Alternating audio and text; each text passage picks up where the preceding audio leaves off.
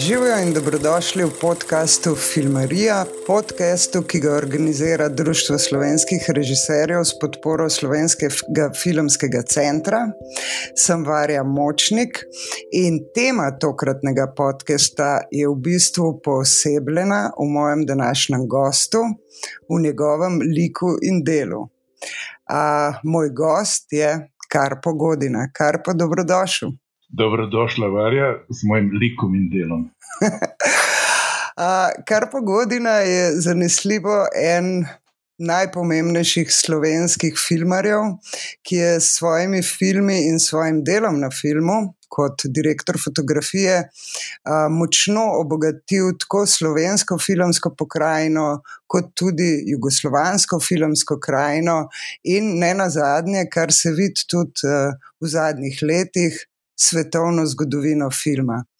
A, ampak da ne bi danes šli v en retrospektivni pogovor, a, se mi zdi, da je pomembno to, zaradi česa jaz Karpata še posebej cenim in se mi zdi edinstven in zato še, še celo bolj pomemben, in njegovi filmi so seveda posledica tega. To, o čemer govorim, pa je njegov odnos do življenja.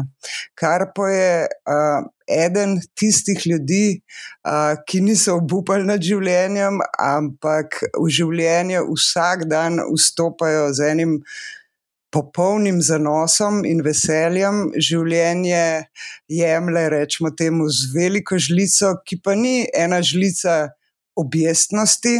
Mogoče včasih kar pa, to bomo se pogovarjali danes, ampak je to uh, en, ve, en odnos velikega spoštovanja, se mi zdi, do, do človeka, do njegove kulture, umetnosti, do humanizma, ena velika, velika radovednost, ki, ki res se poraja. Vsak jutr si predstavljam, ko kar pa vstane in se upne ne samo v neko svoje okolje, ampak tudi v veliko, veliko širše okolje, ki pa se tiče vseh nas.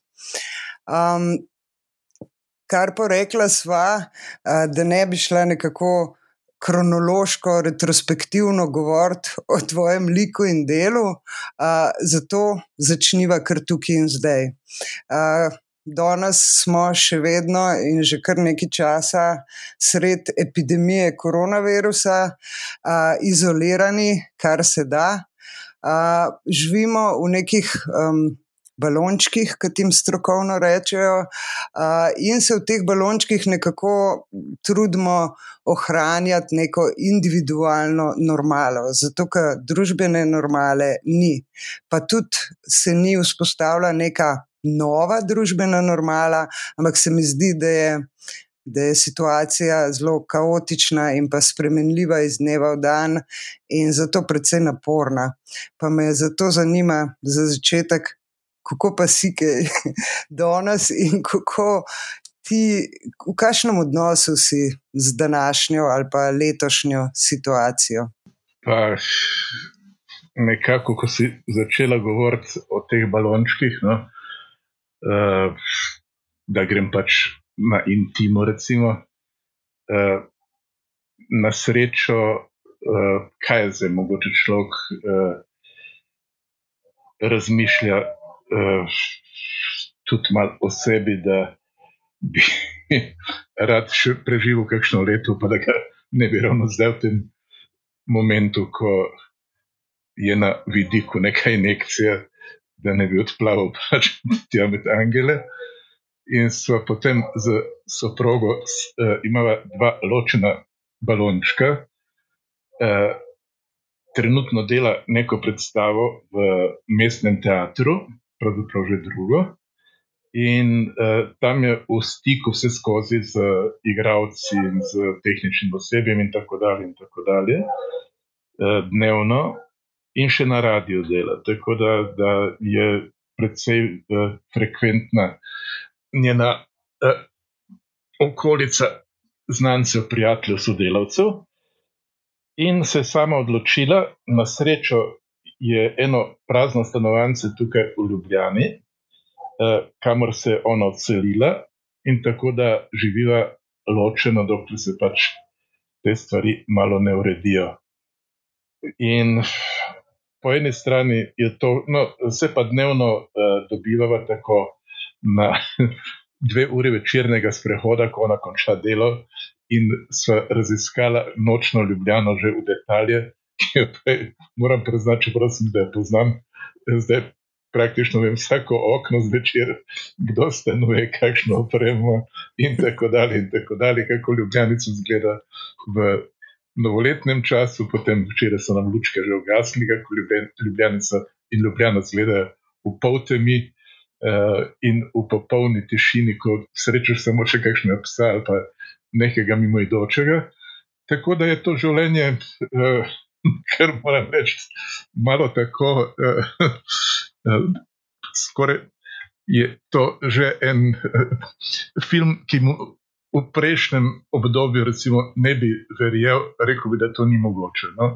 Ampak eto, stvarnost nas uh, enostavno postavi pred dejstvo, da stvari, ki skoraj, uh, ki si jih ne moreš skoraj zamisliti, so eto, tukaj in zdaj. Mm. Uh, skratka, v teh. Intimnega balončka, kjer se zatekamo, vsi se mi zdi, uh, moje duševno eh, zdravje temelji na duševnem zdravju mojega sina, ki je kar dobro, tako da sem vesela. A, ampak a, tebe. Pred enim letom, ko je bilo vse še rečemo temu normalno, smo te videli tako rekoč vsak dan, vsak večer v kinu, gledaš še naprej stare filme v kinoteki, nove filme v drugih kinematografih, hodiš v gledališče, na koncerte, na razno razne razstave, dogodke in tako naprej. A, zdaj pa te, oziroma smo te, dokler je bilo to redno, ob petkih videvamo. Na protestih. Uh, a ti ja prihajaš kot filmar ali kot protestnik? No, ta, ta moja vloga, vloga je uh, eno in drugo, in tretje, je dosti kompleksno. Uh, ko so se začeli protesti, sem uh, šel kot uh, protestnik, pravzaprav s tem, da sem imel okoli vrtu uh, fotoaparat, ki je tudi obenem kamera, in jasno, da uh, ne morem, ne da bi zabeležil, kar se pač dogaja v tem času. Kot so bili vsi protesti, ki so bili do zdaj v Ljubljani, če sem le bil tukaj, imam uh, nekako dokumentirano kompletno vse. In teh stvari ne spuščam že iz tega stališča. Drugo pa je, uh, da sem tudi znotraj tega nekako aktiven, da stvari, ki mislim, da so, da so za objaviti in ki imajo neko težo, jih potem uh, dam na razne linke ali pa na. Uh, na uh, YouTube, tako da imam tudi uh, prispevke iz tedna v teden, skoraj. Ko pridem domov, te stvari malo sestavim, malo prečistim in uh, napravim to. No. Glavna stvar, pa, ki je, je pa ta, da uh, nas je ta epidemija žilnika in mene preprečila, da bi končala igrani film, ki smo ga posneli leta 1971 in sicer se imenuje Svoboda ali Strip. In ko sem ga zmontiral, ker sem bil tudi montažer in direktor fotografije, eh, ko sem ga zmontiral v Novem Sadu eh, in Beogradu, je prišla policija in, je, in nam je odvzela vse material. Eh, tako rekoč, že eh, zmontiranega filma, ker smo takrat eh, skozi ta film, ki je imel pač kakšno vsebino, imel, uh, imel tudi uh, stvari, ki se neverjetno pokrivajo z današnjim časom. Smo, imeli smo dobre informatorje, smo uspeli posneti uh, proteste v Beogradu, v Zagrebu in v Ljubljani, naš Krčevi, v Zagrebu, ko je tale. Uh, Eh, ko so metali vlado, in v Beogradu te proteste študentske. Tako da smo v te scene, kar je, jaz mislim, edinstven slučaj, sploh uh, smo inkorporirali naše junake, se pravi naše igralce, in za čudo smo našli neko, nek način, uh, neko tehniko, da so nas, uh, pa ker smo bili, končno so vedeli, kdo smo, uh, smo lahko kar inkorporirali te junake, tako da so se normalno pogovarjali, recimo, uh, kot da so del uh, sodelujočih pro, uh, protestnikov.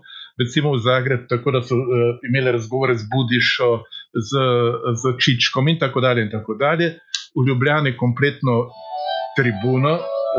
Aha, čakaj, zdaj pa en telefon, ki nisem nas previdel. No, da malo se vrnem nazaj. Torej, domislili smo se, da bi naše junake, ki so potovali po Jugoslaviji z enim Jamesom, kar je že kar nekako bila praksa takrat v naših filmih, uh, v zgodnjih delih z žilnikom je bil to Spaček, tu je bil James, potem kasneje v Rečem Bugiju je pri meni tudi bil James in tako da imamo zelo radi ta uh, uh, vozila, ki imajo karakter. No in s tem Jamesom so potem recimo prišli naši junaki uh, do, uh, iz Novega Sada do, Be uh, do Beograda, iz Beograda v Zagreb. In so tudi tako sodelovali pri teh protestih, eh, tako da smo jih inkorporirali na ta način, da so kar uh, bili kot akteri, pravzaprav aktivni akteri in so uh, pristali Čiček, uh, Veselica in tako dalje. Kompletno, uh, kompletna takratna družina je pristala, da se z njimi pogovarja, ker so postavljali tudi tehno vprašanja in tudi obenem so uh, nekako uh, igrali demonstrante. Uh, v Ljubljani smo to še nekako nadgradili, ker smo potem prišli v Ljubljano in je bila ta Aškrčeva. Uh, in tukaj smo potem tudi uh, dali te naše junake, ne samo v te proteste pred Aškerčo, pred filozofsko fakulteto, ampak smo jih dali tudi na ulico, med policajem, vse tole, kot so današnje scene, približno, in v tribuno, kjer so sodelovali. Uh, in smo celo neke pol igrane prizore znotraj tega, ko se je zunaj vse to dogajalo, Eh, ko je šlo vse na skupščino, smo napravili neke prizore, tako da, da, da so vsi takratni, eh, od Zobca do, do, do Jesiha, kompletna falanga tiste tribune takrat je sodelovala pri celi zadevi, tako da smo imeli celo dosti komplicirane, režirane uh, momente, to v kazini bilo, tako da se v kazini lahko skozi okno tudi videlo, kaj se na cesti dogaja. In potem smo se spustili na cesto, in tako da smo napravili eno zelo, zelo uh, zanimivo strukturo. Uh, je pa bilo nekako to tipanje, kaj, kaj se takrat v Jugoslaviji dogaja in kaj je Jugoslavija. Uh, so ti le trije naši junaki s tem Jamesom pač šli okoli. No, in potem je to policija nam vzela in so uh, imeli prekrasne materijale, uh, da so lahko videli, kdo je kje bil, in tako, tako da so neki ljudje celo uh, šli potem v zapor. Eh, pa ne samo na podlagi teh posnetkov, ampak uh, nikakor ni bila naš namen, niti uh, zdaleč, ne, uh, da bi to služilo policiji, ker so oni res nepričakovano nam upadli v to montažo in nam vzeli vse to.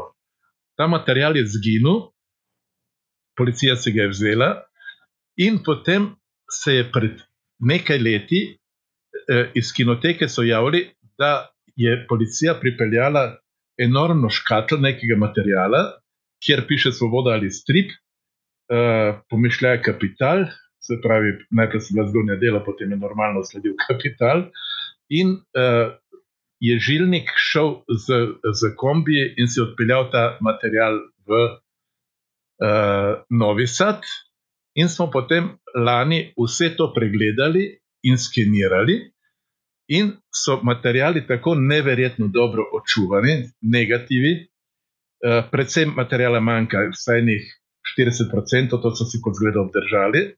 Ampak uh, sem rekel, če bi imeli uh, ostali arhivi v, v uh, bivši Jugoslaviji takšne pogoje, kot ima policija, bi imeli mi še vse naše filme ohranjene. Ker to je bilo, kot da sem jih včeraj posnel, barve, vse štimalo, Eh, noben, uh, kakšen tale uh, propadanje zaradi teh kislin in tako dalje, kemičnih propadanj, prekrasen material. In to smo nekako na grobo sestavili in se odločili, da bomo ta film končali na ta način, da ti unaki, kateri so še živi, da se družijo z, z sinovi, hčerkami, vnuki in smo spet na istem področju. No, in smo potem uh, začeli to delati, in se je pojavilo tole v Ljubljani.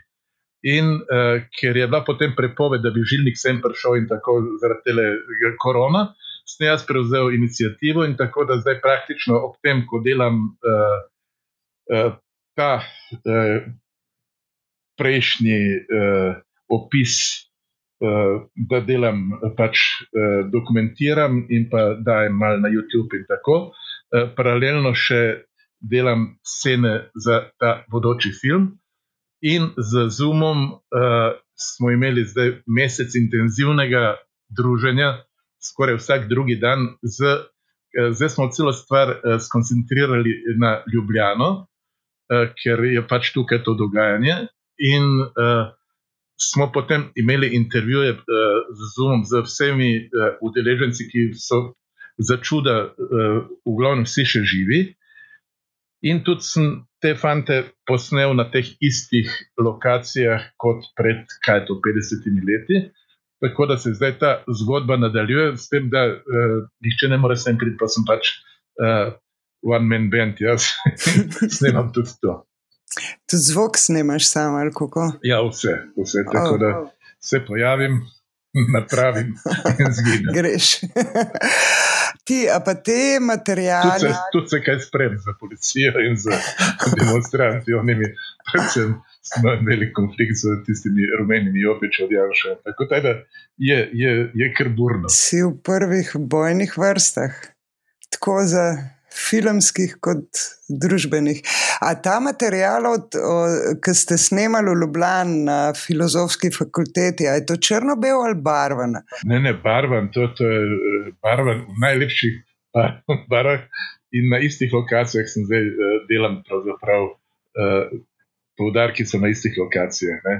Ko so bili še kolesari in tako dalje. Tako da, yeah. Ja. Točno kadri, ki so takrat bili, zdaj 50 let kasneje se zgodovina ponavlja pač, uh, z drugo vsebino, ampak podobno. Ja, zdaj, če smo mali odvod, zaradi tega, ker mislim, da mi uporabljamo, kadar rabimo posnetke iz teh eh, iz leta uh, je bilo to 71, ne v Ljubljani, uh, da mislim, da, da vedno neke materijale od vas, od žilnika in tebe, ki so pa črno-beli. Ja, uh, mi, smo, mi smo dali uh, žilnik, je dal takrat, uh, ker je uspel. Uh, Ker montiralo se je na črno-beli uh, kopiji, da ne bi predrago stalo. Uh, in je iz uh, montažne mize pozitiv uspel eno rolo točno teh demonstracij v Ljubljani, delček uh, vzeti uh, in poslati uh, Majdi Širca.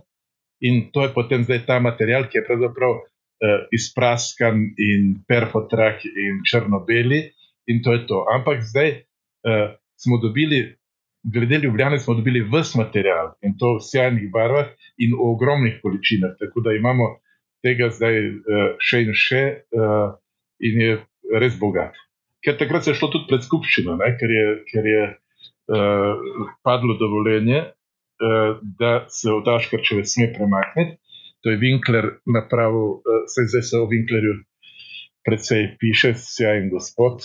Uh, in uh, kako je on to takrat uh, vseeno pristal in je rekel, da naj se gre. In, policajem je vzel uh, streljno orožje, uh, tako da so bili vsi razoroženi, čeprav so bili opremljeni, prvi smo jih videli, tako kot so danes ti robokopi. So takrat imeli kaj za neke skoraj pa motoristične čelade, kot je šleme, da ne vem kaj. Tako da je bilo malo komično, ampak se je prišlo pred skupščino, se je tam usedlo in tako, tako da je, je vstale uh, uh, cestni promet približno po istih poteh se vrti. Meni se je zdelo zabavno, ker sem zvedela, da te posnetki, ki se jih v raznih dokumentarnih filmih uporablja kot posnetke, uh, dokumentarne posnetke iz protestov iz leta 71, da so v resnici več na pol fikcijski in da nekateri od teh junakov niso čisto realni ljudje, pa se mi je to zdelo super. Mm. Ne, ne, mm. imamo tonsko tudi vse tiste govore pred.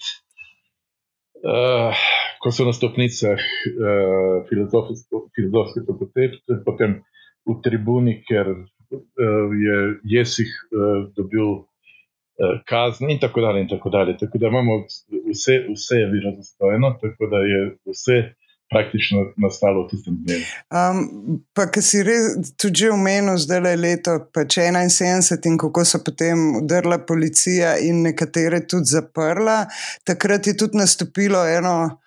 Zamrznitev uh, ugodnih razmer za filmarje, takratne, nekatere, seveda, uh, ki je trajal kar nekaj časa. Ne? Pa mogoče, če rečeš, kakšno besedo o. Mislim, to je bila kar popolna cenzura, pač niso vam dovolili delati. Mogoče to, kar malo odzvanja tudi v letošnjem letu, ki so zelo dobro izvedeli cenzuro, pač ni denarja, ne obstajate, ne morete naprej. Ne? Ja, tu se je točno zgodilo. Uh, eden od glavnih, uh, tako rekoč, uh, kako se te morče, uh, sprožilcev je bil ta film, potem uh, predtem še uh, VR uh, od Makaveva, ki je bil tudi za Neoplanto Novi Sad posnet. In uh, zanimivo uh, v tole, ker sem bil tam, uh, je še padlo noter uh, tudi uh, uh, nedostaja mi Sonja Heni ali manjka mi Sonja Heni, ki je tudi bil pod Neoplanto uh, posnet uh, in so mi ga tudi takrat vzeli. Uh, in to je bilo, to, to je bilo konec, uh, konec jaz imenujem to vseeno uh, jugoslovanska filmska pomlad ali pa jugoslovanski novi val. Uh, do takrat je sjajno vse to cvetelo, potem so pa rigorozno odrezali. In uh, so potem fanti šli eni v zapor, eni s trebuhom za kruhom po, po svetu, Uh, jaz sem imel pa to srečo, da sem imel desetletno prepoved kot režiser, mislim, uh, ker so me takrat še, še vedno smatrali kot uh, uh, glavno stvar, da sem režiser, ker sem morda to končal. Uh, in sem pa lahko tukaj ostal, ker so me pa potem uh, naenkrat začeli pa vabiti, uh, da sem bil direktor fotografije in montažer dalje pri, uh, na jugu, v glavnem. Da, uh, vseh teh deset let pravzaprav na jugu.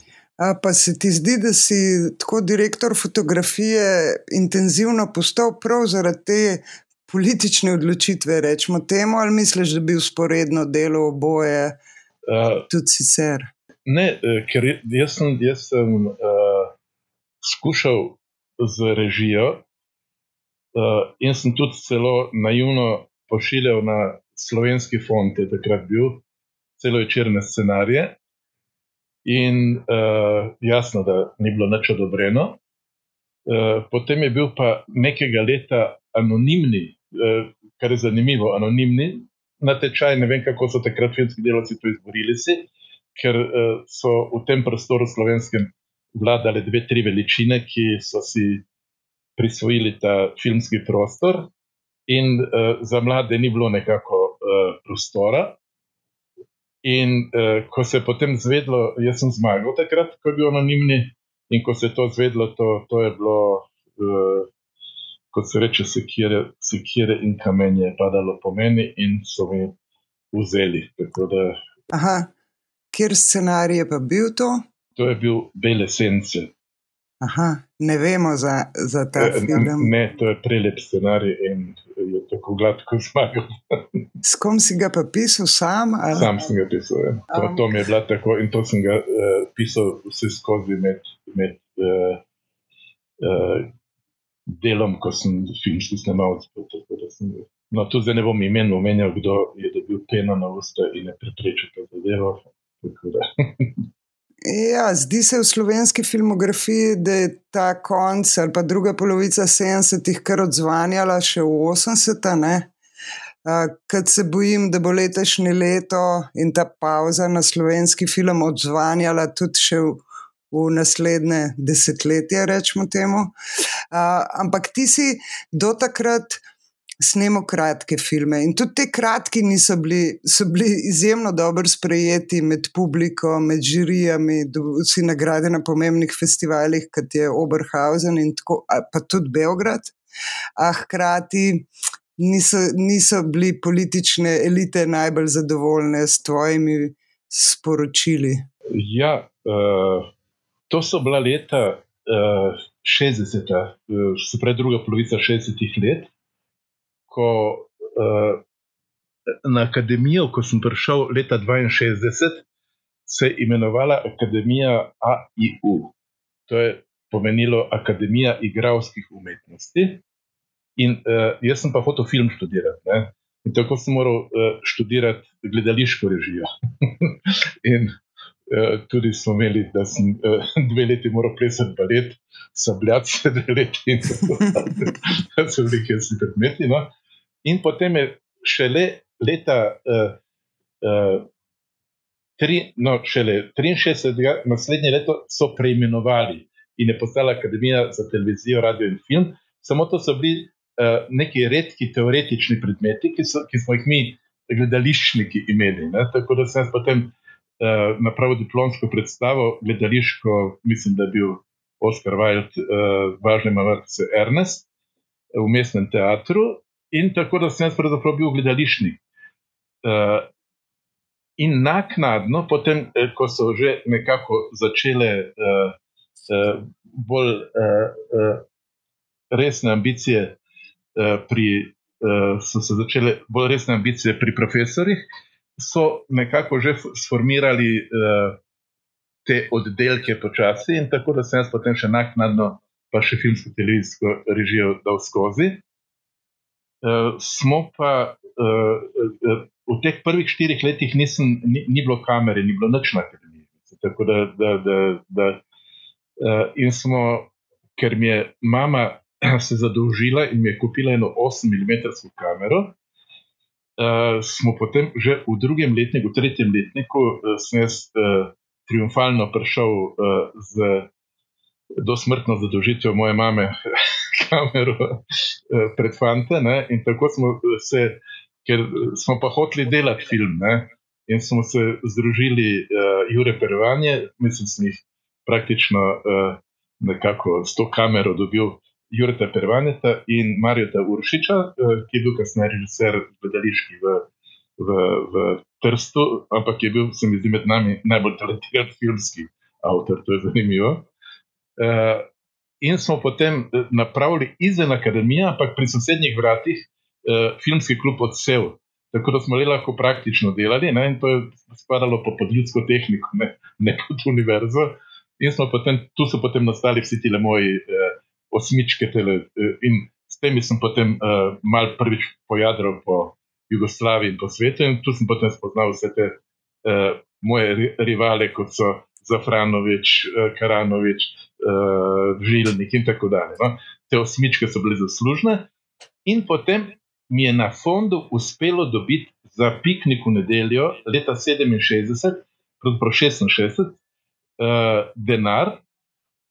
In sem, uh, uh, ni, ni pa, ni pa uh, hotla viba nekako iti v to zadevo, in sem šel v Zagreb s tem denarjem, takrat se je dalo to tako. In sem šel k FASO, filmski avtorski studio, ker so se zbirali za Franovič in ostali, in to je bil en Kruno Heidler, en vsejen človek. Tako da je vse, kar je tako bilo mal, mal izven, uh, da, da niso delali po, po klasičnem vzorcu, je ta Heidler jih nekako kot magnet pritegnil in sem jaz denar tja odnesel. In sem napravil iz tega dva filma, In potem sem še Marijo Určiču dal pa še tretji film, eh, tako da za stoje smo delali. Tako da sem uspel iz enega denarja napraviti tri kratke filme. Ta tretji film se je imenoval Semafor in smo ga snemali v Trstu. Tu sem spoznal svojo prvo soprogo. in, uh, so nam pa, uh, takrat so nam pa dali, druga smo kamero iz Beograda, uh, so nam dali izvide kamero in so mi dali noter uh, sektor, so mi spremenili, da se je napačno vrtel. Mi smo cel film, ta tretji, posneli z velikimi mukami v Trstu, in ko se je film razvil, so bili posnetki tako, kot so črte, ker se je sektor odpiral Aha, takrat. Ko je to... film povzel, mimo, in tako no, napravil velik škandal, ampak neč mi pomagalo. Ne. Ampak v bistvu hočeš reči, da si se ti filma um, učil ali pa delati filme učil s tem, da si delal. Ja, ja, ja. Neč, Sa, ne, ne. V bistvu čez svoje delo in s svojimi kolegi, in da ste iz nule šli snemati. Uh, zdaj, tle je zanimivo tudi tako, um, da v bistvu nekje, ki si rekel, da je piknik v nedeljo, bil prvi profesionalni, rečemo, temu film. Ne? Da takrat že začneš za eno, v tem pikniku nedeljo se že začne nekako pokazati um, ta tvoj, tvoj formalni, zate značilen formalni prijem teh um, statičnih kadrov, statičnih postavitev znotraj statičnega kadra, enih. Mogoče bi lahko rekel, to sem razmišljal, kako bi rekel temu, tablojev iz uh, navadnega življenja, tako, ki so seveda zaradi te forme tako povzdignjeni v neko ikonografijo, tako, um, ki si pol še bolj izpil v uh, gratiniranih možganih in tako naprej, in naprej, in pol tudi to uporabljal v celovečercih. Um, kako si prišel do tega, pa kako, ko, eh, zakaj si ostal navezan na to? Čeprav mi smo veseli, gledalci, ampak tebe sprašujem. uh, ravno, uh, ker sem piknik prvi začel snemati, ne, potem sem sonce, vse splošno sonce, ki je na isti način upravljeno. Uh, kaj je bilo? Uh, prvič, jaz sem uh, že v gimnaziji bil. Uh, no, pri šestih letih sem že, sem že dobil fotoaparat in uh, mi ga oče dal kupu eno sjajno kot akretino. In uh, tako da sem že v gimnaziji bil zelo, zelo, uh, to, to ne da bi se hvalil, ampak uh, jugoslovansko priznam fotograf. Ne? Jaz sem že imel nazive zelo visoki, na razstavah sem zmagoval kot dijak, pazi, v, v, v, v seniorski konkurenci. Ne? Tako da ni, ni to bilo da, da je nek oddelek za gimnazijo. Okay? In fotografija pač mi je tisto osnovno. Ne? E, drugo pa, uh, ajde, uh, kaj je še pomagalo meni, da, da, da, da, da sem iz družine, ker mi je mama bila igralka, ne, in jaz sem, uh, ker smo takrat živeli brez očeta, sem me mama kot je zdaj ta le korona, pa moraš otroka med stalno nekaj ob sebi in sabo. Uh, me ona, uh, jasno, imela garderobo tam v uh, Mariborskem teatru. Ne? In ko so bile vaje, uh, sem jaz bil v njeni garderobi ali pa na odru gledal. In tako da sem praktično vsako predstavo poznal od začetka, od osnov, od bralne vaje do, do premjere. Ne? In sem uh, potem tudi nastopil v operah, ker uh, pač. Uh, uh, so, kaj zim, recimo, labojen, verter in tako dalje, to so vse, ker so otroci potrebni. Ne? In tako sem res zrastel na odrskih deskah ali teatrskih ali oprskih. In uh, sem potem, kasneje, imel zaradi tega neke, neke že uh, predstave, kako se režira in kako igravci funkcionirajo. Uh, po drugi strani pa ta fotografija in tu je ta statika. No? Ampak kako se je zgodilo, da je piknik tak, kot je?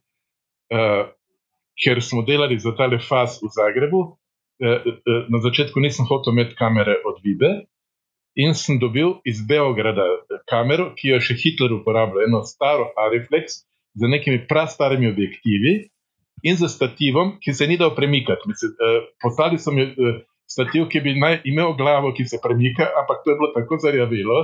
Da se ni dalo, da je tako dobro, da bomo razmišljali o slikah tu sem doma. Ne? In tako se je nekako smešno začelo to vse skupaj. Je pa še, uh, ajde, uh, vse se bo odrezalo, ali pa se ne bo odrezalo. Uh, anekdoto s piknikom imamo na Luškano. Uh, piknik je najprej bil uh, uh, v tej komisiji, ker v Sloveniji so pa morali mu dati pečat, da uh, piknik in sonce sta bila na začetku prepovedana. In uh, če bi danes sonce pogledali, ne, uh, takrat so ga prebrali zelo pravilno. Ne. Je identična situacija danes. Ne. Samo ti postavi tega glavnega partizana, uh, na mestu njega postavi Janša in boš razumela, da je film popolnoma. Uh, tako da teče skozi vse čase, preposili vse, kar je možno, in tako dalje. Dobro. Uh, uh, piknik je pa uh, takrat za to Slovenijo, bilo, ker sem tisto, uh, kao, mislim, že to separacijo Slovenije popolno. Uh, seveda se uvede tam naenkrat eno srpsko kolo ne, in uh, furijan to stvar umiri in pusti to slovensko delo tale, tale, tole gogo, naj, najbolj kot je star partizan, lovec, ono, tretjo, četrto, tako da naj, naj to. No, in uh, je bil povabljen film uh, na nekaj festivalov in tudi v Krakow. Krakow je bil takrat zelo velik festival, uh, takoj za Oberhausenom. Ne? In uh, z uh, kritikom Zajcem, ki je uh, eto, še, še je med nami, uh, imel en star spaček, In eh, ker sem bil povabljen, on pa je bil kritik, je rekel: Peva mi dva s pačkom. Ne? Ampak to je bil tisti paček, še, ki je uh, slučajno takrat skozi to, to niso bile še avtoceste, to so bile blatne ceste in tako. Uh, Spaček, prvi spački so imeli brisalce, tako da, koliko je motor šel hitro, tako hitro so brisalci delali. Ne? In mi smo morali počasi voziti, in skozi je špricalo na šipo blato, ne? in tako da si ti lahko skozi okno brisal, si moral brisati, in so vseeno prišli do Bratislave, niso uspeli priti do Krakova. In takrat smo imeli, eh, dinar je bil zelo vreden, eh, čehi so bili takrat, eh, si ti lahko za, za njihovo plačo kazen, eh, recimo, da so bile pri nas pa desetkratne plače njihove. Ne? Tako da smo takoj malo nakupili vse onega denarja v Slovaški, pa v Češko, v Bratislavi. In so jasno, uh, mladeniča uh, navalila na en bar in na punce, ki so se nam ponujale tam. Tako, Niso povedali, da so to punce že oddane. In so bila pretepena tako, da, da mi so arkado prebili, brado razbili, vse in njemu tudi nekaj. In so se komaj splazila v avto. Uh, uspel sem še neko iz sobe rjuho potegniti, da sem si glavo zavedel, da nisem preveč krvavel. In sem uspela potem v zgodnjih jutranjih urah priti v. Krakov in direktno na direkcijo Krak, Krakovega festivala, ko so nas videli, so rekli, kdo je. Robal si. Sem ta in ta. In uh, so rekli, jo, jo, jo, takoj v bolnico, takoj v bolnico. In so me potem na živo šivali in arkado in brado in vse skupaj in dali ogromne flajštre. In so rekli, začer morate iti na oder. Sem rekel, zakaj? Ja, ker ste zmagali. Ne? Eh, do takrat so zmagovali, vse skozi je bilo tako, da so morali Rusi zmagati, Rusi je moral zmagati. Ne? In to, kar je bilo prvič, in so bili tako veseli poljaki, da so me zakrpali, uredili. In potem naslednji dan, eh, zvečer sem sprejel tega zmaja. Ne? Eh, in naslednji dan na naslovnici glavnega časopisa, ogromna slika mene z tistim zmajem in velik naslov, kar pa premagal Ruse. In je zelo, kot da bi Bog smečal. In sem bil tam, potem, ne vem, koliko dni so še dobila zajce nagrad, nekaj da so uživala. No. No, to je tako ena epizoda. No. Potem sta pa ta dva oba filma prišla do Beograda in, in sta oba uh, zmagali. Uh, eden v uh, dokumentarnem žanru, in pa v igranju. Tako da je to bil kar leta 67, lep začetek za me. No, potem sem šel po barvne kratke filme, to, to so bile edino črno-belo filme. No, lih to sem tudi hotel reči, da Piknik v nedeljo je tudi tvoj zadnji črno-bel film, ampak tudi zelo lepo posnet, tako ne navadno. Ja, takrat sem pogruntal nekaj, ker sem se fotografijo bavil in sem videl, da je to planinsko polje polno zelene trave. In sem potem z določenim filtrom, komaj sem že, že ta kamera je bila stara še in še, tako da ti skozi objektiv nisi že tako nič videl. Ne? Sem dal en zelo gost zelen filter spredaj ne? in sem napravil potem iz te trave, da je postala skoraj kot sneg bela in je vse skupaj, ampak nisem pa imel pojma, skoraj kaj snemam. Ali sem rekel, ajde, kar bo bo. In je tako nastalo, tako da vem, da je bila za Zagrebski laboratorij, kjer so mi razvijali, bila senzacija, so se vsi snemalci. Uh, tam drenjali, da vidijo, kaj je to. Jasno, da nisem izdal, kaj sem delal. Kako pa to, da se pol nisi vrnil k črno-beli fotografiji, od takrat naprej vse snemaš v barvah? Ja, uh, to, to je dobro vprašanje. Ja. Ampak sem vseeno, recimo, uh, slike življenja udarnika, ki je uh, posneto tudi za statiko, ker je me vprašal, Čengič, če, če bi jaz lahko mu posnel ta film v statiki. Uh, sem rekel, ja, samo uh, če boš uh, vedel, da je tu mizna scena, potem je igranje strukturi malo drugačna kot v kratki. Ne? In če boš ti zmogel, bom jaz zmogel, meni ni, ni problem. No? In smo to potem reševali tako, ampak ker se je snemalo tudi v rudnikih in takrat se ni uh, metana, mi smo dejansko uh, tisoč metrov pod zemljo snemali. Ne? In tam, če ena iskrca iz reflektorja bi šla, bi šli vsi zrak. Ne? tako da sem praktično brez razsvetljave z nekimi baterijskimi svetilkami tam svetu spodaj. In sem uh, cel film, uh, takrat se je to še dalo, da smo ljudi v Avala filmu, v Košotnjaku, v laboratoriju, ki so mi šli na roko. In sem rekel, da bom ta film uh, skoraj črno-belo napravil uh, in da ga bom forsiral tam na nekih uh, 5000 asov, ne? kar je bilo za takrat popolnoma, so rekli, napravo proba in so videli, kako se reče, ne moreš s takim filmom potem priti ven, sneg točno s takim filmom, bom prišel ven. No, tako da ta, ta se je približal črno-belemu. Ampak sploh naravna svetloba je tista, ki tebe pritegne, da z njo delaš. Ne? Točno je. In tudi, tudi če, če so reflektorji, vse poskušam uh, samo pojačati tiste naravne izvore in zato uh, obožujem inekse, se pravi, da snemam v, v naravnih objektih to je bilo najboljš uh, z Lordanom v Ujet Angela ali v Gris Angela, ko smo bili na otoku Sušcu. En mesec in pol, stanovali smo na eni barčici, spodaj cela ekipa in smo se vsak dan spenjali okoli 150 metrov visoko, ker to je samo ena čir v, v, v Jadranskem morju, tam že blizu, blizu Palagruže in Jabuke. Mhm. In uh, na vrhu samo en svetilnik. Ne.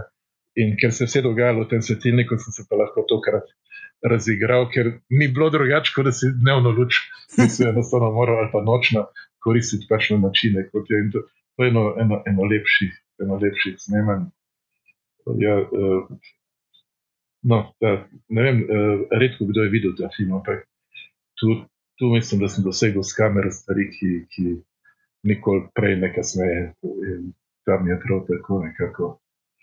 Eh, pa ne morem tudi sam do njega priti, ker je to bil za, za Marjan film v, v Splitu sneman in on ne ve, niti kje je negativni klip, kako je s tem filmom. Tako da, da ja, dobro, ajde, anekdota naslednja. Eh, ko smo prišli na ta svetilnik, ne, ki je edina stvar na tem otoku, uh, smo na enega postavnega svetilničarja naleteli in na njegovo lepo soprogo. Ne. In potem smo uh, si predstavljali, da filmska ekipa pride, kakšni so vsi ti ljudje, ki bodo mesec in pol tam. In, smo skušali izvedeti, kako da se on odločil, ker smo videli, da ni, da ni da je črnogorc. Ne. Kako se odloči, da posvetilničar. In je rekel, da ko je spoznal to svojo lepo ženo, uh, je bil tako ljubosumen, da ni vedel, kako bi jo obdržal. In potem je bil oglas, da išče svetilničarja na tem samotnem otoku. In si je vzel tja. In potem mu pride filmska ekipa, on pa je imel še koliko opravkov dnevno, ker je moral iti po ribe dol, pa je moral na nek vrt iti dol. Pa, eh, se pravi, eh, svetilnik prižiga, to je ogromno svetilnik gor, večer in tako, tako da ga pol dneva ni bilo. Ne? Si predstavljaš, njegovo ljubosumje in vse to. Skratka, žena izolirana s filmarji v bistvu. Tako da je praktično potekala boljša zgodba skoraj v realnosti, kot je naša fikcija. Da.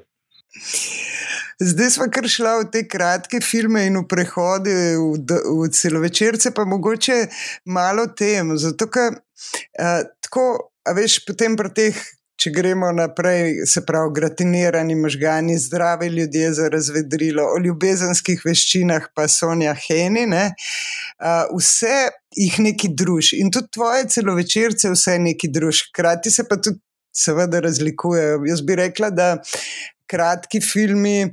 Da je značilno, recimo, da niso narativni filmi, ampak da vedno vzameš neko celoto in jo predstaviš na čist svoj način, pogosto čez pesem ali poezijo, rečemo temu tudi. Um, Medtem ko pri celovečercih pa greš v naracijo, um, vedno. Um, hkrati pa tako um, kratke, kot dolge, druž to, kar sem pač čist na začetku rekla, ne, da, da so tako večslojni.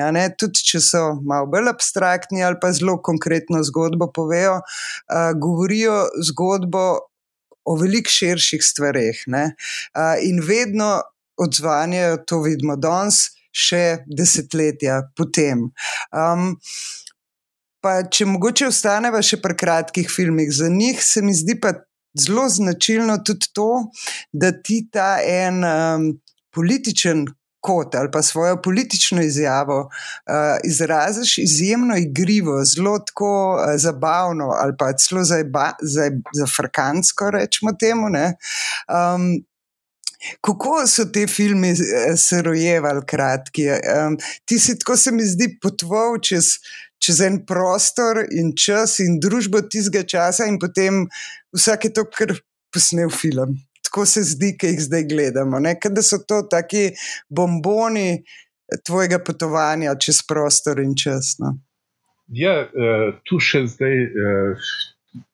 Ti nisi seznanjena, pa tudi, mislim, večina ljudi ni seznanjena, da sem vmes delal tudi za uh, televizijo Beograjsko in, in Novosadsko. Uh, in tu so stvari, ki, ki, ki eh, bi potem našla povezavo, ker uh, to smatram tudi kot, kot uh, nekako, nekaj od teh stvari, kot vrhunce svoje. Smo gledali enkrat en del ali pa ene delčke ram za nekoliko pozo. No, to je tudi, recimo, en. Ja, tako da tu, tu sem potem jaz, te, te uh, so tudi po svoje, uh, ajde, da imamo ta visoko leteči izraz družbeno kritični, ne? ampak spet na igriv način, smo pa še uh, dosti hujše zadeve. Ne? Tako da, da sem vedno uh, prikril uh, tisto, uh, kar sem hotel reči, malo v humor in malo tako da. da če hočeš, uh, se boš zabaval, če pa boš hotel pač malo razmisliti, se boš pa srečal z neko realnostjo. Ne? In uh, vedno, ko sem, ko sem, imaš prav, šel sem skozi ta uh, prostor in čas. In čim sem neko stvar videl, sem jo takoj nekako uh, razširil in uh, iskal nekako po nekem instinktu, formo. Nikoli nisem, nikoli nisem uh, se preveč uh, ko sem imel uh, prvi impuls, sem imel film. Uh, čist, uh, brez, brez prevelike muke, brez nekako. Spontano mi je vedno nastalo, mislim, in, in jaz sem takoj vedel. Samo da sem dobil uh, en, en, en uh, uh, delček uh, te, te stvari, ki me je zanimala, sem vedel, da, je, uh, da jo lahko razširim uh, potem uh, točno v to, kar hočem. Ne. In, tako da so vsi v bistvu preprosti iz ene ideje, ampak potem uh, jim dam še noter pač sebino, ki, ki uh, no, informo jasno, ki je mogoče kar tako uh, mal karakteristično za me. Pa ta, ta trenuten, a veš, po, pušno, da narediš film, pa hkrati pa tudi. Eh, ta upetost v skupnost se mi zdi, da pa pač kulminira v filmu Manjka mi Sonja Heni, ki je nastal na festivalu, kjer so bili prisotni veliki režiserji tistega časa, poleg tebe, recimo uh, Forman, Buck Henry, Tinto Brass, Paul Morrissey, Fre uh, Weizmann, tudi uh, pa Puriša Đorđevič, Makavejev. In ti si rekel, napišemo jim listke, da bomo snemali, in ste snemali, ali kako je bilo. to spet vidiš tisto. Uh, prišel sem na idejo, da če so že tukaj, ne, uh, dajmo jih izkoristiti. Ne. In uh, pol so se z Brankom sedeli, kaj bi jim dali. Ne. In smo sestavili tole uh, od snupja, uh, to, ta stavek, samo da morajo reči, uh, ne dosta mi Sonja Heni ali uh, mi Sonja Heni. In uh, so vsi rekli, pa ti, mislim, ti si nor, mislim, kaj boš zdaj, kako boš dobil te ljudi. Ne?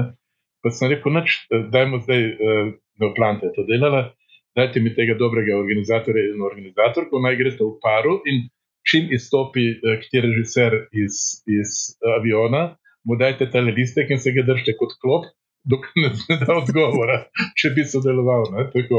In za čudo so vsi pristali. Ne? In to jim je bilo, so tudi kasneje rekli, lepši del festivala sploh, ker to se je začelo šele po vseh onih stranih se veš, eh, po, po projekciji, ki je recimo polnoči, to traja do dveh zjutraj, pa se še zapiješ.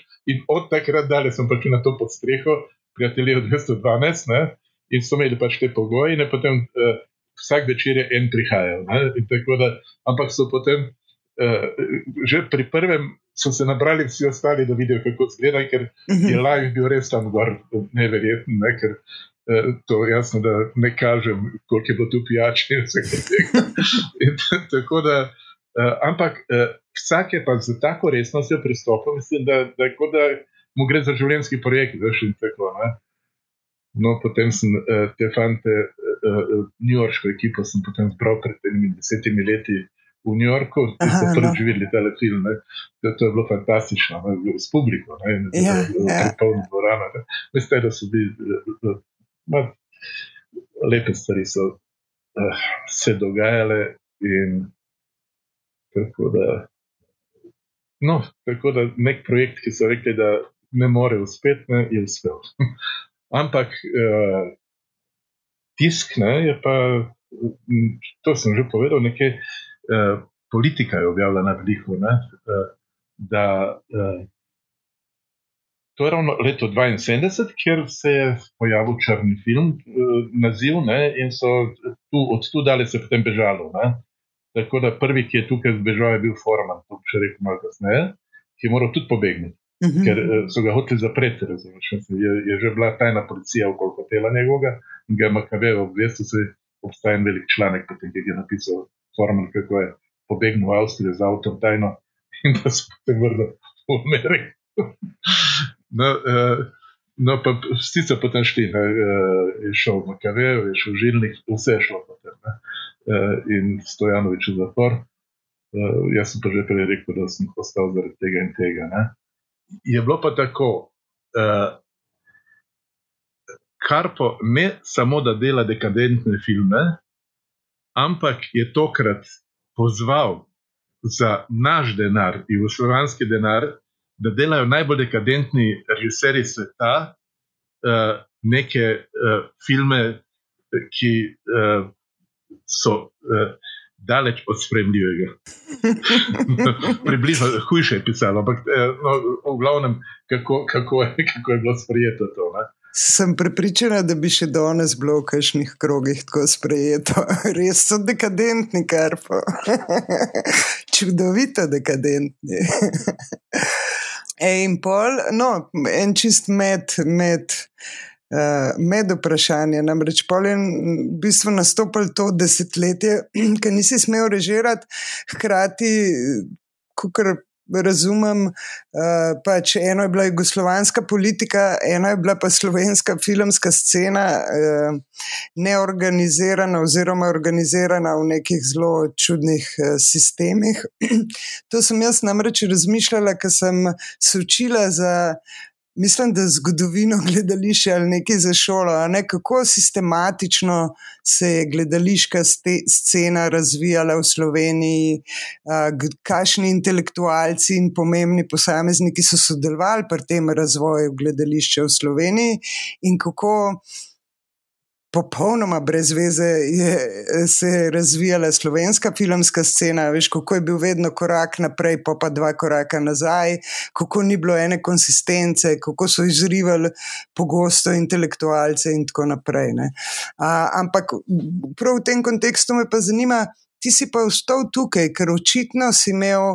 Uh, Verjetno možnost, da bi šel ali v Srbijo, verjetno tudi v tujino, um, vsem pa ostaneš v Sloveniji in zelo si postal celo en tak, a veš, mm, simbol, na, ne, Ljubljane, celo ali pa Slovenije. Kako to, da si vstal? Stvar je bila takšna, da eh, ko sem snemal eh, umetni raj v eh, Grožnjanu, sem spoznal tam eh, mlado direktorico eh, tega umetniškega mesta, Eh, ki je drugače iz Zagreba, sem poleti je tam imela, eh, pač vodila je, tu so, tu so bili in plesalci, in igravci, in arhitekti, in glasbeniki, predvsem glasbeniki iz celega sveta, tudi, tudi pedagogi in to. In je ona imela to mesece nekako čez poleti. Ne? In je ona tudi uh, čez zimo uh, kontaktirala s temi ljudmi, da so prišli, da so napolnili, in potem so prišli študenti in tako naprej. Uh, in uh, sem se jaz moral na njo obrniti, uh, če lahko snemam v Grožnjanu uh, uh, umetni raj. Uh mhm. -huh. In uh, dobro, tudi tu so lušne scene, ki so že ki spadajo in temu, ampak je bilo, lušno. Uh, namreč ona je stanovala v neki manjši hišici tam. Ne?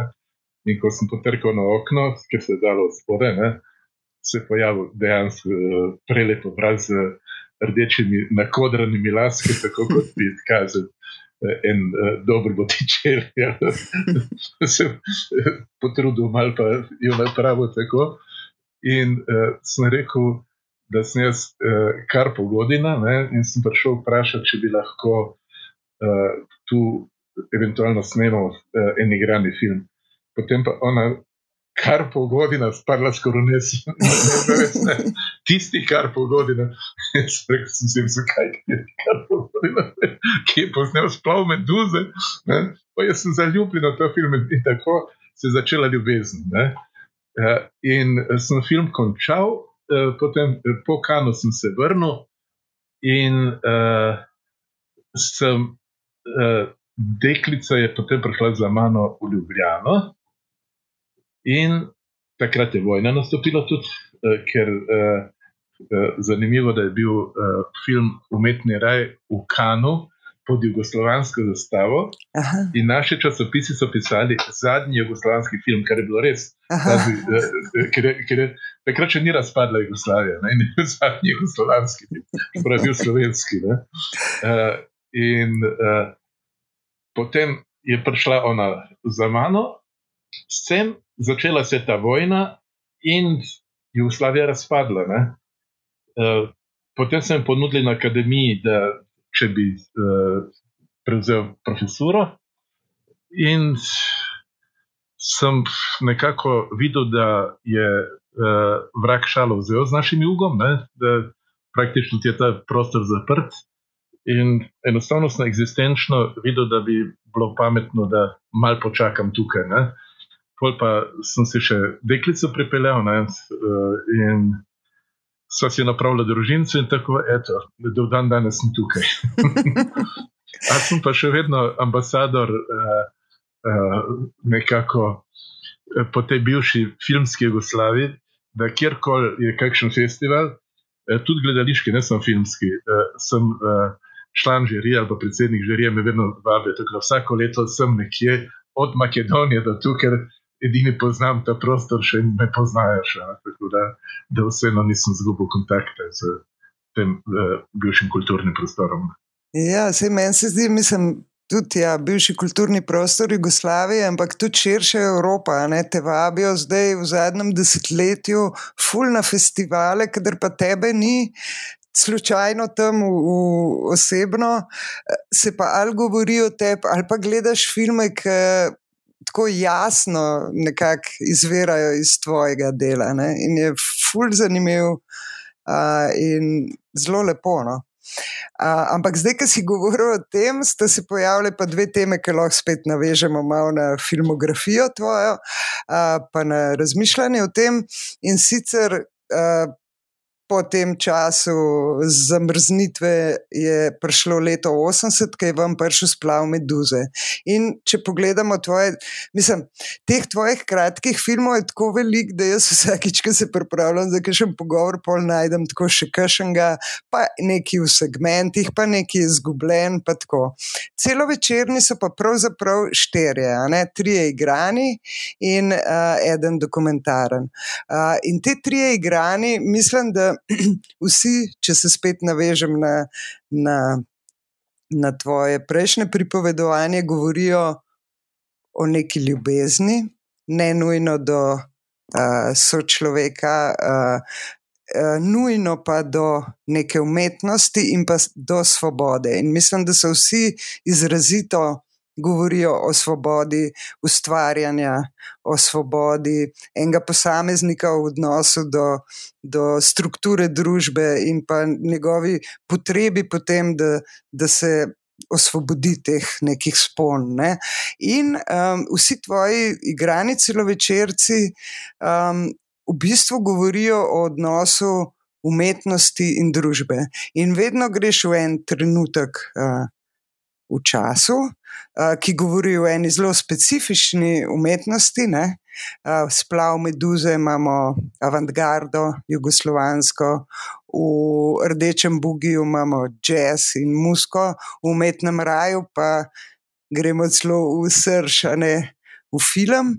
Um, Skratka, vedno, vedno to postaviš kot osrednjo tematiko, in se pravi, um, nek zelo konkreten dogodek, konkretne ljudi, ampak in konkretno, recimo, eno obdobje v zgodovini in umetnosti. Ampak hkrati pa spet s temi tematikami nagovarjaš v bistvu vse čase.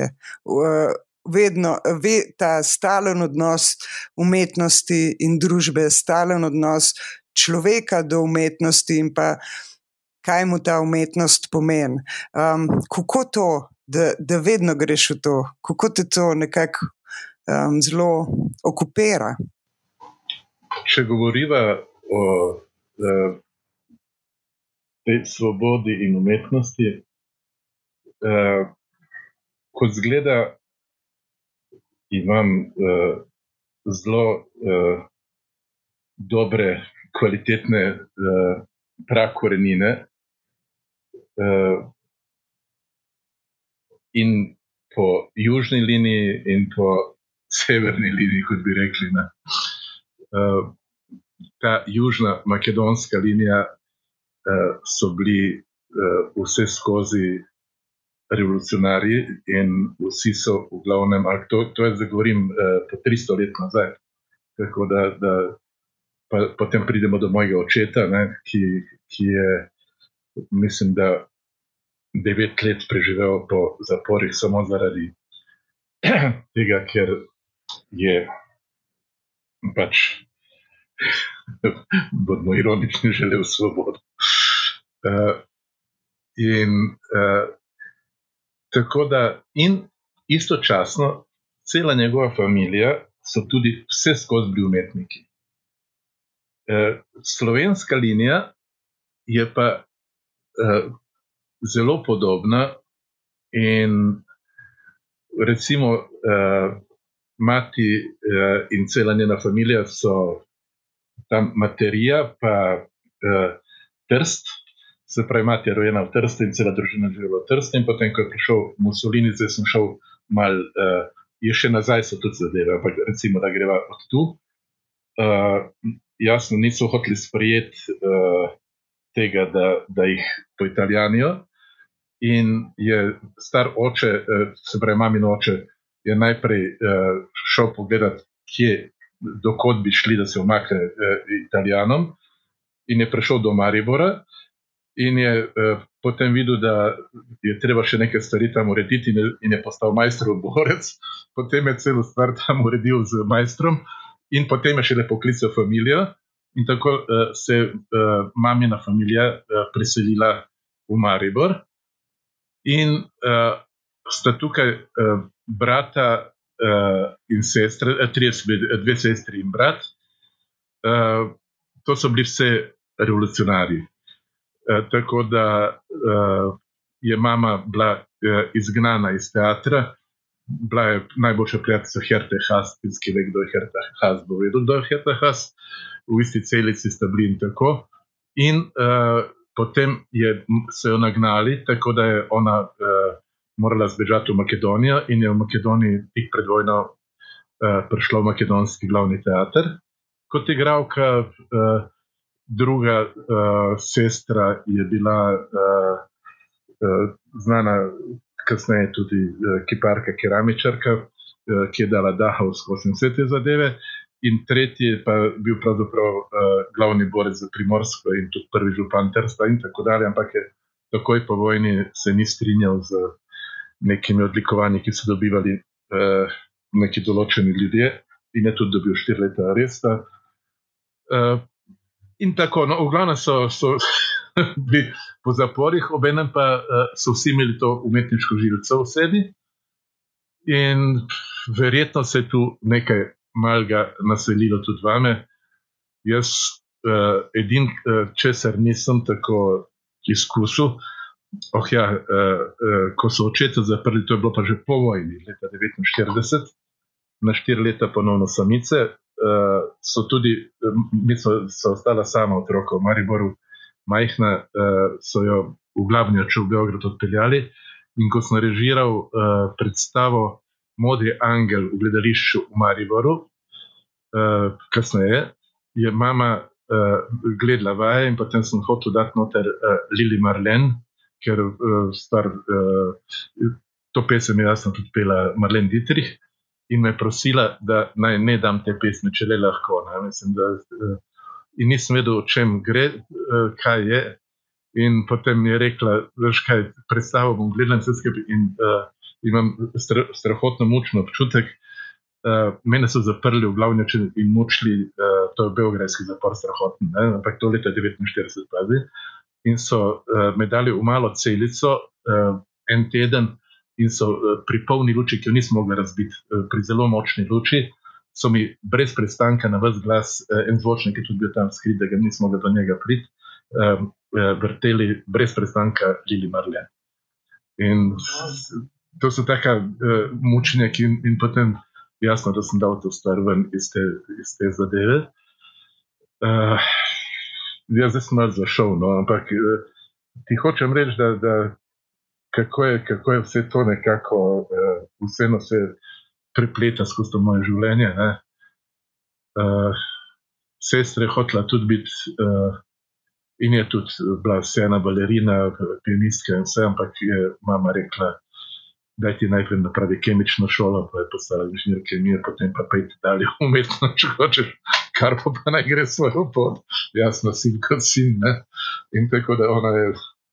Ni potem končala kemijo, ampak ni pa, ni pa nadaljevala tega. Jaz sem pač imel to, ta privilegij, da sem šel dalje. Uh, no, in tako se potem kajzen tudi skozi te, te moje filme, uh, vedno nekako uh, Potem smo še to srečo, da sem srečal Branka Vučičeviča, uh, sjajnega človeka, scenarista, mojega v glavnem in prijatelja do smrti, uh, umrl nekaj let nazaj, sem ravno končala zadnji tekst, ki sem ga dal tukaj na sklad, pa ni šlo. Uh, in uh, on je dejansko mi bil uh, glavna opora v filmskem življenju mojem. To sem hotel vprašati. Prej je poklical sfero, ki, se, ki je tvoj življenjski sopotnik, govoriš o Botičeljevi Darici, potem Vučičevič, sigurno Želimir Žilnik. Je še kdo tako prisoten v tvojem življenju? Pa, kot, kot veš, ne, mislim, sem imel nekaj soprog ne, in Tako da tudi vse so še na srečo žive. Vitalne, vse sem spoznal pri filmu, tako da se spomnim, tako da niti ena ni mimo filma pristala v, v, v, mojem služenstvu, tako da imamo sjajne otroke, vnuke, vsega vraga. Torej, tako da to, to se kar. In, in predvsej tega, tega uh, semena, če tako lahko imenujemo, uh, ki uh, je filmsko. Uh, Se nahaja v svetu, ja, ja. tudi drugače, oziroma fotografsko ali pa vse je blizu, vse je ja, blizu, ja. Tako, da, da, da, tako da je to nekako ostalo v, v, v tem krogu. No, tu, tu, tu smo še vedno vsi nekako. Uh, tako da uh, moja zdajšnja soproga, tista Botičeljeva, uh, prirejamo za vse otroke enkrat letno tudi uh, druženje v tem stanovanju, kjer zdaj govorim. In tako da življenje teče. Ne morem reči, da ni ta tok nekako pozitiven. To si zdaj tako naredil, kot en zaključek, ampak jaz te bom še mičken pomatrala, čist mal. to je bilo, bilo čisto tako, da sem malo sentiment, ker se vse to dogaja tako. Da, Ja, zdaj, zdaj se mi zdi, da smo tako osamljeni. Oče nikakor nisem bil dober. si pa, si pa. So te matere bile vse v okolje in so, so speljale praktično na, na svojih uh, plečih, v glavnem, uh, mojo odsotnost. Ja, kako lepo. Se mi zdi, da zdaj, ko smo tako osamljeni, uh, več ali manj, da se te sentimenti tako znajo izkristalizirati. Da, da ena dobra stran, mogoče te osame, pa je, da do enih stvari dobiš tako zelo jasen odnos. Uh, ampak jaz bi se vrnil na to, kar si govoril o. Bolj pred zgodovini svoje družine, ne? da se mogoče to pa odseva v teh celovečercih tvojih, ki pa niso tako razigrani in veseli kot kratki filmi, vsaj ne, ko se končajo. Je vedno ena taka bolj temačnost, ena žalost. Uh, kaj, kaj pa s tem govoriš? A govoriš to, no, eno vprašanje. Glede na tvojo konstantno akcijo v življenju, ki je tako osebna, kot tudi umetniška, politična in družbena, um, pa se ti zdi, da umetnost ali pa naša upletenost uh, v umetnost lahko spremeni svet na boljš? To je tisto prastaro vprašanje, ki ja. se vsi borijo z njim, in vsak da odgovor, ki je pa približno enak. Uh, nekam se premakne, ampak kača se drži za rep in se bo verjetno vrtela še dalje. Ja, sploh če je kultura in umetnost v enih sponah, ki so tesne, pa temačne, pa mračnjaške. Ja, poglejmo zdaj na to situacijo pri nas, da se to, to človek ne more verjeti. Enostavno, jaz ne vem, mislim, kje, se, kje se jemljajo ti ljudje in kako živijo s tem. Ne vem, mislim, verjetno je to tako idiotsko, naivno vprašanje, ampak moj, moj razum nekako meren dobro. Zaradi lastnih koristi, ampak eni pa tudi ravno nimajo lastnih koristi, mislim, da, bi, da bi materialno ali kakorkoli, katero vrak jih vodi, da, da, da, da, da morajo vse uničiti. Ja, ja, to je veliko vprašanje. Ja. Ker ljudje niso dobri, pa slabi, ampak se na nek način svižijo, očitno. Ampak, um, kaj pa, uh, veš, zdaj sem se še jaz malo zgubila, ker se groza. Uh, a, to, v bistvu, ki si že tokom pogovora si že umenil fotografijo kot en impuls, ki te je proti filmu, ali pa ki je seveda potem tudi tebi izjemno pomemben segment filma, potem igra, igravci. Uh, jaz si predstavljam svetlobo, sva omenjala, ne? različne svetlobe.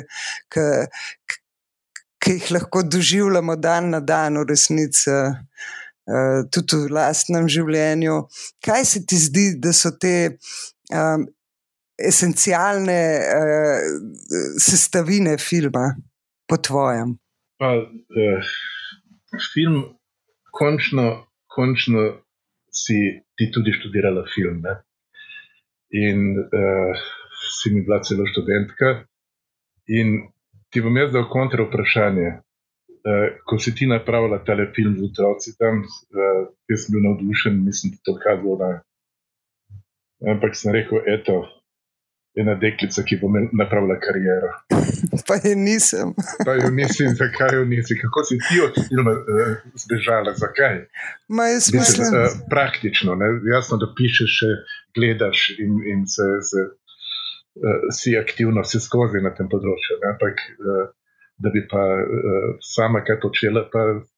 Ja, ne, ne, ja, moj življenje je vseeno v bistvu samo s filmom povezan, profesionalno je zanimiv. Ne?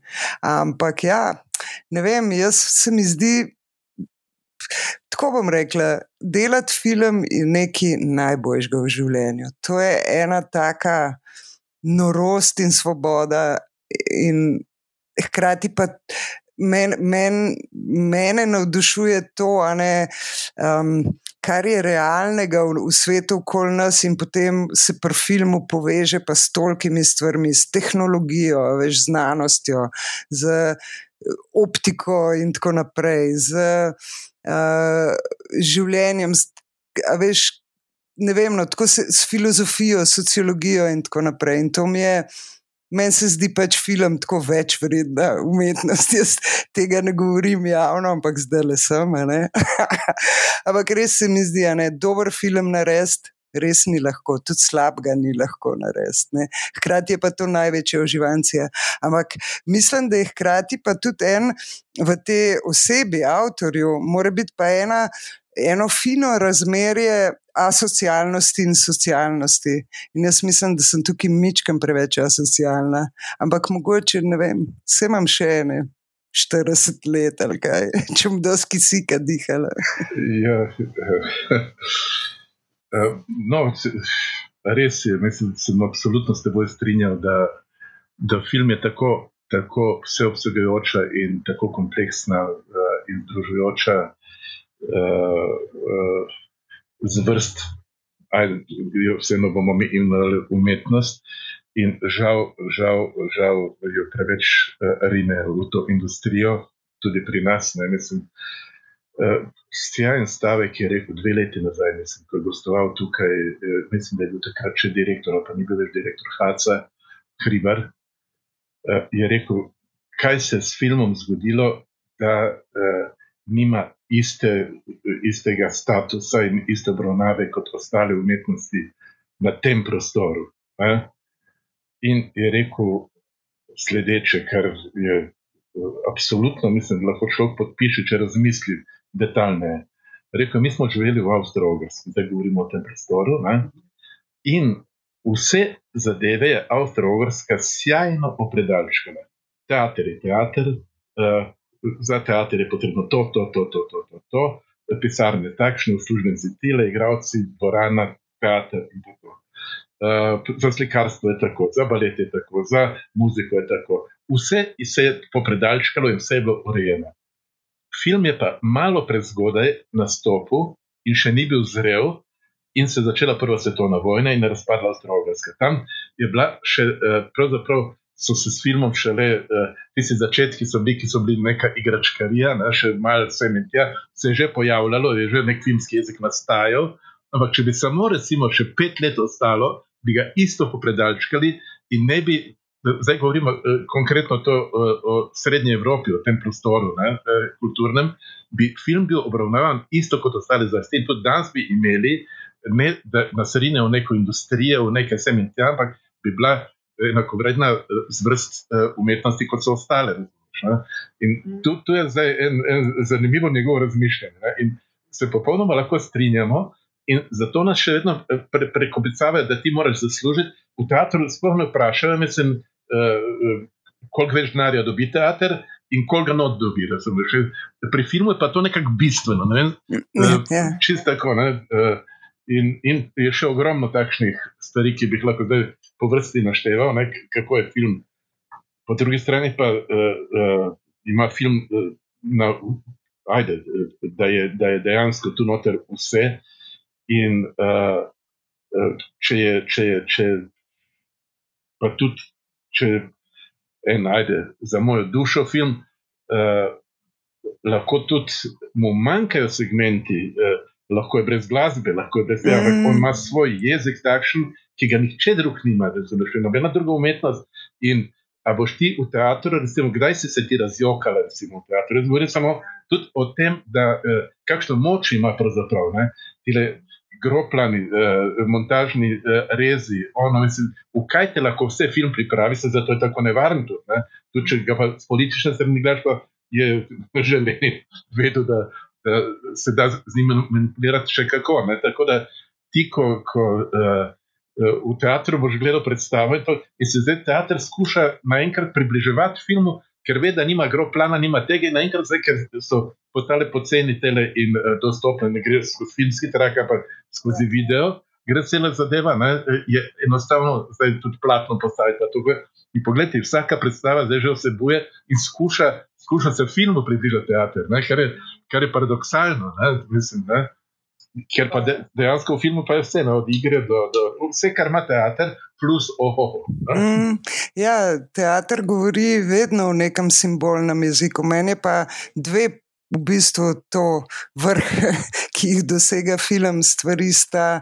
Eno je, da lahko hkrati v istem trenutku izraža konkretne stvari in hkrati abstraktne in da to ni noben problem. Druga stvar, ki mi je pa čudovita in se mi zdi pomembna, je pa ta, da v resnici.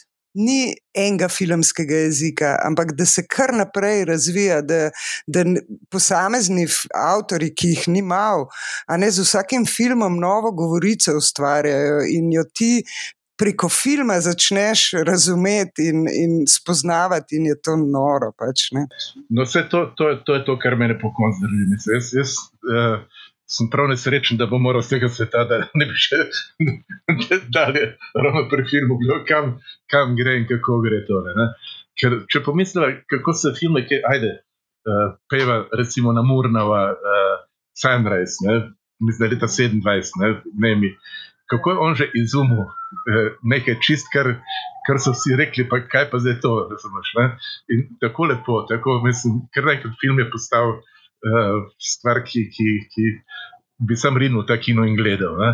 In potem, potem so šle tako faze, uh, vse skozi. Uh, Naprej, naprej, naprej. Ne? In uh, potem jaz imam to srečo, da zdaj, da spustimo uh, med obema vojnama, ne? kjer je tudi bilo ogromno pa Renoir, pa vsega vraga se je tu še noter dogajalo, ne? pa so bili tudi uh, moj Lang, pa uh, že poglej Langa, uh, Metropolis, kaj prenesel, pa o čem govori, govori o stvarih, ki so danes tukaj. Ne? In, in še. Uh, Dobro, mislim, pa po formalni strani, kaj so si že lahko privoščili, in tako dalje. In tako dalje. Pa v Renoirju poetiki, pa če greva tudi na Atalanto, pa vse, vse te lepe zadeve, vse se je nadgrevalo, nad, nadgrevalo pa tisto tudi isto napravo, ono uh, uh, uh, od tu do nis. Obala, umrli. Ja, ja. Ja. Ja, uh, uh, in potem uh, pridemo naenkrat uh, v to krasno povojno obdobje, ki sem ga pa jaz živel, ne, in že uh, se pojavi naenkrat ena Anja Zvarda, leta 55, napravi Le Poincourt. To je prvi novovalovski film, ki ga še ne priznavajo, ampak poglej si ta film, boš videla, kaj je ona napravila. Leta, tile, eh, ni bilo še nobenega godarja, ni bilo nobenega trifoja, še ni bilo, ni bilo eh, tudi bazenja, ni, ni opazil. Tako, in in najkrat ta film, potem se ti pojavi tale trifo z 400 udarci, pa naenkrat se eh, cela ta zadeva, pa se godar pojavi z ono formo, potem eh, na češkem se pojavi eh, spet, potem, da ne govorimo tudi o polski, mislim, vse novi vali, kot se temu reče, ne? pa imamo tam tiste Kavaleroviča, pa eh, z, z, z, z Ivano, uh, Ivano uh, Ivana je v glavnem ime sveta Ivana. Eh, pa vlak, ki je napravil, ne pa ajde tudi Polanski z, z tistim. Vse so to neke smeri, ki, ki kar nekaj film odpirajo, razumeš, nošo vode, enostaven film, ampak eh, z eno jadrnico sredi jezera, pa si s tem nožem. Eh, čeprav žanru ne maram, mislim, ne, ne maram, ampak nisem pristaš žanru in tudi ne delam žanrsko, tudi ne razmišljam žanrsko, ne želim delati žanrsko. In me, tako da. No, potem se pa uh, razvija ta sjajna češka zadeva, in uh, da ne govorimo tudi o italijani, ko se kakšno vtis sem recimo, imel, uh, ko sem pogledal recimo avanturo, ampak to takrat, veš, ja, da te ja, danes ja. boš rekel, pa kaj je to. Ne? Ampak to, to so bili čist novi, novi filmski pristopi, novi filmski jezik, izumljenje spet naslednjega koraka. Ne?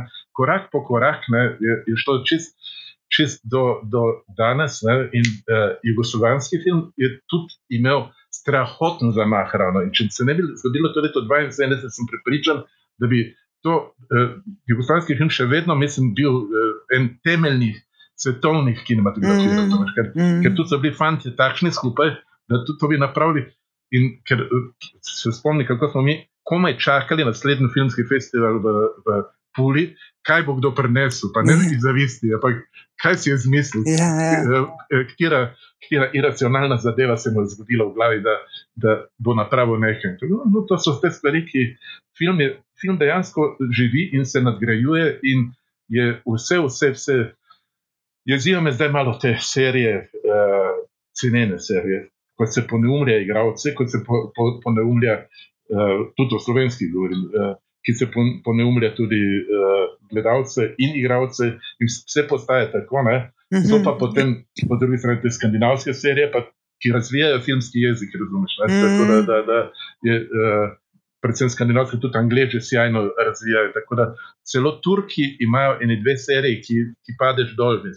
Ne, mm. ne to, kar, kar gledamo mi, kar se ne da, lahko na Netflixu vidiš. Yeah. Ja. Tako da, da je zdaj vse postalo več. Uh, Sjajno gre da, sjajno gre da. Ne, tukaj si zdaj serije umenil, moram prav reči, no, da sem zdaj, pa mislim, da bom ratala borka. Mislim, to govori predvsem o produkcijskih okvirih tukaj.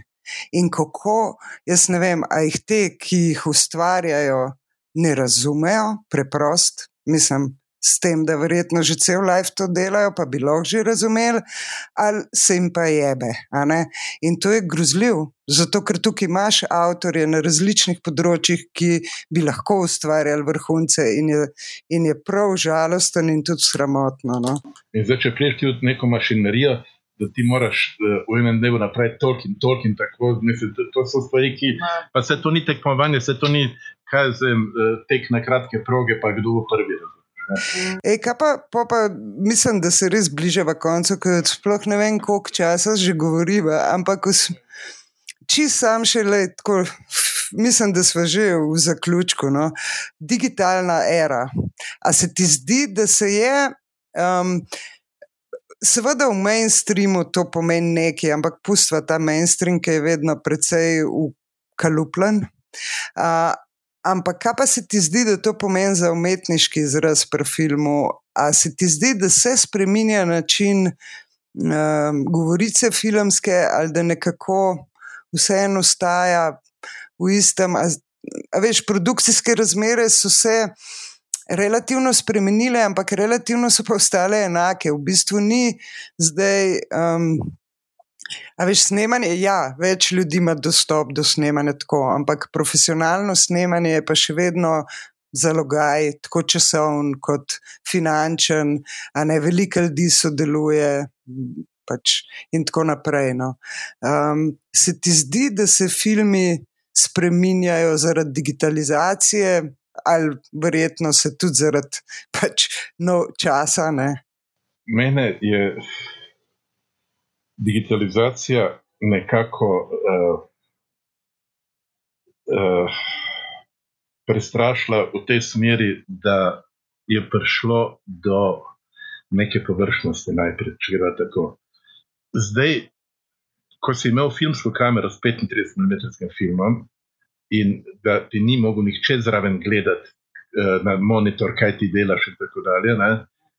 Uh, režiser si je ogledal skozi kamero kader, recimo, ne? ti kot direktor fotografije si pa bil edini lastnik slike. Vsaj en dan ali dva dneva do projekcije. Ja, ja. Tako da si bil res, tega si sedla, ti si trepetal, ne?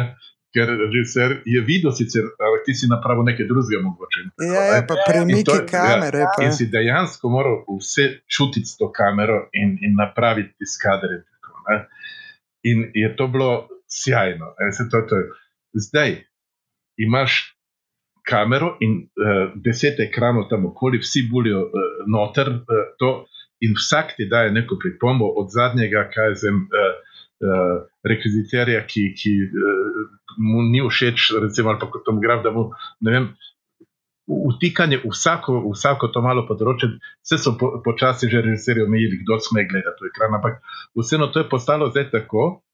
In kar, uh, kar uh, je še, da napake ti, ogromno napak ti lahko naknadno popraviš. Se pravi, tu nastane zdaj površnost, in vse. In uh, zdaj, kaj zdaj, če, če, če si imel levo, desno, napačno, da si filmski jezik malo slabo poznaš, ne improviziraš, uh, ti uh, obrneš potem, mm. ali pa kropaš nekaj, ker ti je tam v vogalu, zdaj se pojavlja neka luč, pa jo boš ti kropal, ker imaš pač štirka ali pa osemka in se tega ne bo opazilo v zrnu. Uh, prej je dejansko direktor fotografije. Se vedelo, kdo je, kdo ni. Uh, klasa, razumeš? Ne? Ker eh, ti nisi mogel nič manipulirati, razen z generalnimi, eh, ali potem kasneje svetlejša slika, ali pa dominantno bolj v rdeči barvi, v zeleni barvi. In to je vse. In ti si moral dejansko biti človek, ki obvlada to. Zdaj pa je kar tako, kamera ti izostri, več ali manj so vse tu neki motorčki, ono, tretje, četrto, vse tehni, vse minimalno znanja skoraj uh, rabiš, ne? samo če imaš pač občutek za kader, eh, boš kot direktor fotografije govoril. Mm -hmm. uh, je pa še nekaj uh, uh, napredek, je pa uh, nastal ravno v filmskem jeziku, ker je pa zdaj, no, da ne govoriva. Uh, Koliko materijala se zdaj poznam, kako je to nedomišljeno, bomo že potem zbrali. Da, ja, ja, ja, in, ja. in potem, ker je toliko kamer, uh, je nehote se zdaj začel uh, filmski jezik uh, razvijati drugače, ker ti imaš uh, možnost uh, nekih rezov in nekih preskokov in, in, in nekih presenečenj in izpuščanja in vsega tega, kar prej nisi imel, ker si imel, recimo, uh, se vedno, uh, da zdaj si posnel ta, kader pa je ta in veš, kaj imaš na razpravi. Zdaj, zdaj imaš pa. Iz, lahko iz desetih vizur, ne, uh -huh. pa še ti bo dron nad glavo. Tako, da, da, mislim, uh, imaš pravzaprav za izbirati, e, ampak spet tu ni koncentracije, tu ni to, je potem tisto neko naknadno nastajanje. Vse iz tega se počasi rojeva, da tudi potem začnejo razmišljati tako in se sistematično postavljajo te kamere. Ampak je mm. ogromno pokrivanja, samo da smo zihe. Mm. Da, da, in e, pravim. Uh, To je tista evolucija, da potem se razvija nov filmski jezik. Mm -hmm. Ampak uh, je pa ogromno za zdaj še še vsega tega uh, lovljenja v kalnem. Uh, pri montaži, ne, uh, montažer ti lahko v uh, desetih minutah en prizor pokaže v desetih variantah. Ja, ja. In ti, ti boš samo tako gledal, no, kako ti je to všeč, kako ti je to všeč, kako ti je to všeč. In ti sam gledaš, kje zgubiš. Prej si uh, mentalno sestavil kader, ker ko si rezal ti film, si moral točno, uh, že nekako, ker uh, vsake rezi je že bila poškodba filma, ono, tretje, mm. tako da si sestavil in si nekako ga tudi čutil, vse, kako bo to nastalo in vse. Ne? In si potem lahko napravil neke spremembe. Ampak vse to je bilo zelo domišljeno in se je točno vedelo, kako in kaj. Mm. Zdaj pa lahko ti uh, enostavno, uh, kaj, hočem ti reči, da, da dušo je izgubilo no, na en način. Vse se bo vrnilo, vse se bo mhm. vrnilo, ko se to vse skupaj ustali in ko se uh, najdejo končno spet nekako, da se uh, cela stvar umiri in uh, da vse to, kar je novega, uh, postane jasno uh, tudi nov filmski izraz. Tako, no, vidiš, koliko se ljudje, uh, glavni filmski režiserji, se vsi vračajo na, na 35 metrov na filmskih trajih. Zdaj, zdaj malo v kinih, čeprav, gre, uh, čeprav se predvaja potem uh, digitalno. Mm. Jasno, eni so pač uh, si privoščili američani, da so tudi na 70 mm vrnili projektorje v dvorane in, in tako dalje, ampak to so ti ekstremi, ki pač eh, Ja, ekscesi in tako da ampak to ni praksa. Eh, Se pa predvaja jasno z dobrimi projektorji in vsem tem. ne. In kar je še, eh, no tu sem jaz zdaj, eh, tako da imam še eno, ajde, da izdam še svoje paralelno eh, raziskavo in zabavo. ne. Eh, Optike postajajo tako dovršene zdaj, Mhm. in uh, ti le 4K in 8K postajajo tako ostri, vse, da je to ne mogoče gledati. Ni več, ni več uh, tistega uh, materialnega, ni, ni več uh, poti, ni več nič, vsak odlak se ali vse, on, tretje, četrto. Vse lahko naknadno ti potem uh, pri gradingu, pa pri vseh teh zadevah ti to uh, Raz- urejaš na, na ja. neverjeten način, lahko celo proti svetlov vodač, ki je prej ni bilo in Mhm. v snemanju in tako dalje, vseh vrag lahko počneš. Ampak uh, to so velike muke in to. Uh, in uh, jaz zdaj uh, trenutno eh, proučujem vse stare ruske optike, ki so fantastične, in ko daš to na 4K, ne, Mhm. dobiš, uh, točno uničiš to, kar, kar uh, ti le stremijo, da, da, da bi bilo ne vem kako ostro, in da vidiš na, naenkrat film zaživi spet za tistim finim žmahtom, filmskim, uh, ki ga pač mi, stari nostalgiki, pogrešamo. Ne? In uh, sem ogromno uh, delam zdaj na tem, ne? tako da imam res serijo, če ti sem prikazal, koliko tega se ga preizkušam, ker cenena je optika, neverjetna ta. Ne? In, in uh, tako da, če Bog da, pa da bom še kaj delal, bom delal samo s to optiko, uh, ki je fotografska optika. Ja, ja, ja, Ja, ja. dobro. Eh, eh, ja, eh, To so vse kopije, to so vse kopije, eh, ko je druga svetovna vojna se končala, so Rusi pokradli vse patente, ker so Cajza si odpeljali tja. ne. Ja, ja, ja. In, in, in tako, ne. Sem steklo, so pa niso imeli istega. Ne? Uh, in to steklo, pravi, in še razne stvari, ko so oni še potem malo nekaj se, se šli. In, tako. In tu imaš za neke sjajne neostrinice, pa diha, diha fantastično. tako da To, ja. Je- Ker meni se to sploh ne zdi nostalgija, ampak se mi zdi ljubezen do materije, ker meni se zdi, da ostrina slike je nekaj, kar je v resnici marketinški trik, kako prodajati televizorje naprej, zato ker v resnici so eni prej čisto v redu, ampak je še bolj ostro, še bolj in pa se je to kar ucepal nekako v zavest ljudi. Jaz Odkdaj naj bi bila filmska slika ostra, mislim, a veš, ja, od reklam za televizorje, mislim. Tako kot je treba po dva čigumija jesti, kot v reklamah. Jaz pravim, jaz pravim, da ti, ti objektivi imajo dušo. Ne? Se, to, to je čist druga zadeva. razumeš. Uh, dušo, v narekovajih. ne, Ampak uh, je, je nekaj, kar, kar, kar, kar enostavno vsak od teh objektivov ima svoj karakter, ampak to tisti lep, ki ga jaz pač imam rad. No, ja, vse to se mi pa podobno dogaja tudi, ko sem to nerazumevanje in vse te zadeve, ko sem zdaj predal ta zadnji scenarij o Walteru Benjaminu, ne, je, uh, ti poudariš, uh, no, to, kot sem že prej omenila, da so vsi malo nekih distanc, celo črci in tole. Poudarim, da je to, uh, poskušam nekako neki brehtovski način, uh, govoriti skozi, uh, skozi film na brehtovski način in tako. Ne? In pol dobiš recenzijo nazaj, da je noter premalo topline in uh, premalo čustev. Ja, Pa kaj, in ti zavrnejo s takim razlogom. No, se to. To je bila tudi ena tema, ki sem te hotela.